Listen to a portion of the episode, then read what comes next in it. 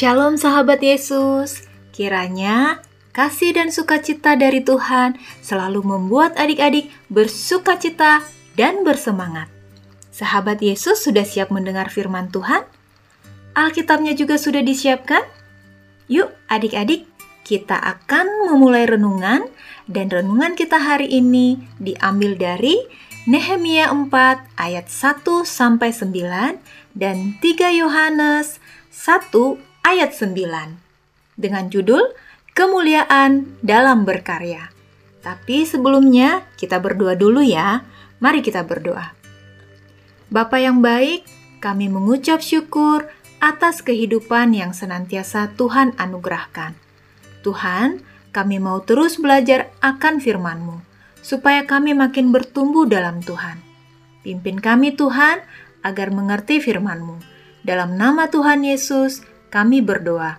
Amin. Nehemia 4 ayat 1 sampai 9. Adik-adik nanti baca sendiri ya. Tante akan bacakan buat kita saat ini Nehemia 4 ayat 6 sampai 9. Begini firman Tuhan. Tetapi kami terus membangun tembok sampai setengah tinggi dan sampai ujung-ujungnya bertemu karena seluruh bangsa bekerja dengan segenap hati. Ketika Sanbalat dan Tobia serta orang Arab dan orang Amon dan orang Asdod mendengar bahwa pekerjaan perbaikan tembok Yerusalem maju dan bahwa lubang-lubang tembok mulai tertutup, maka sangat marahlah mereka mereka semua mengadakan persepakatan bersama untuk memerangi Yerusalem dan mengadakan kekacauan di sana. Tetapi kami berdoa kepada Allah kami dan mengadakan penjagaan terhadap mereka siang dan malam karena sikap mereka. Tante bacakan juga 3 Yohanes 1 ayat 9. Aku telah menulis sedikit kepada jemaat, tetapi Diotrephes yang ingin menjadi orang terkemuka di antara mereka tidak mau mengakui kami.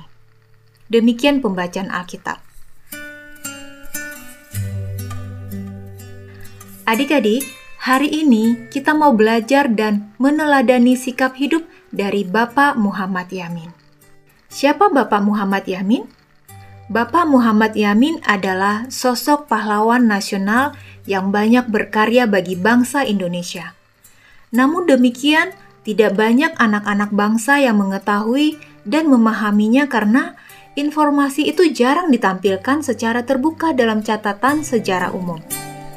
Hal itu juga diperparah oleh sikap beberapa tokoh nasional yang tidak menyukai Muhammad Yamin karena dianggap terlalu hiperaktif dalam setiap geraknya, sehingga dikatakan suka mencari popularitas serta mencari sensasi bagi dirinya sendiri. Tetapi yang sangat disayangkan, orang-orang juga tidak mau jujur mengakui karya Bapak Yamin, atau bahkan mereka diam saja ketika karya Bapak Yamin dianggap sebagai karya orang lain. Pada umumnya, Orang mengetahui bahwa lagu Indonesia Raya diciptakan oleh W.R. Supratman. Padahal syair lagu itu ditulis oleh Muhammad Yamin dan W.R. Supratman yang mengaransemen melodinya. Muhammad Yamin juga tidak pernah dicatat perannya dalam menyempurnakan lambang Garuda Pancasila yang digagas oleh Sultan Hamid. Rumusan Pancasila juga hanya dikenal sebagai buah karya Bapak Soekarno Padahal konsepnya adalah tulisan Bapak Muhammad Yamin yang diadaptasi dengan pemikiran Bapak Soekarno yang memang sehaluan dengan Bapak Muhammad Yamin. Pada umumnya, para anak bangsa tidak tahu siapa yang menulis rumusan Sumpah Pemuda. Muhammad Yaminlah orangnya. Muhammad Yamin pula yang mendorong penggunaan bahasa Melayu menjadi bahasa nasional sehingga dikenal sebagai bahasa Indonesia. Muhammad Yamin pula lah yang mendorong untuk memasukkan hak asasi manusia ke dalam konstitusi negara. Adik-adik, pernahkah kamu sudah melakukan tugas dengan baik, tetapi ada saja yang kata orang zaman now katanya dijulitin. Pekerjaan kamu tidak dihargai. Apa yang kamu rasakan? Sedih? Kecewa? Marah? Nah, kita belajar dari Bapak Muhammad Yamin.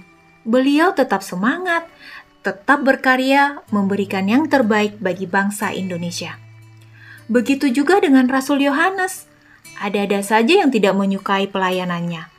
Tetapi Rasul Yohanes selalu bersemangat dan setia melayani.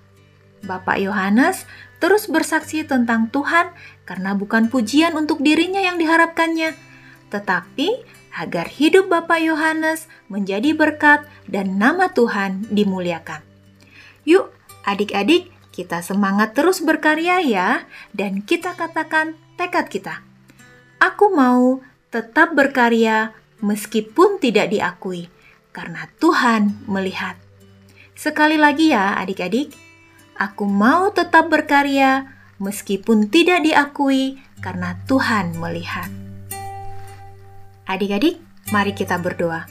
Bapa di surga, tolong kami supaya mempunyai kekuatan dan ketabahan untuk menaati firman-Mu.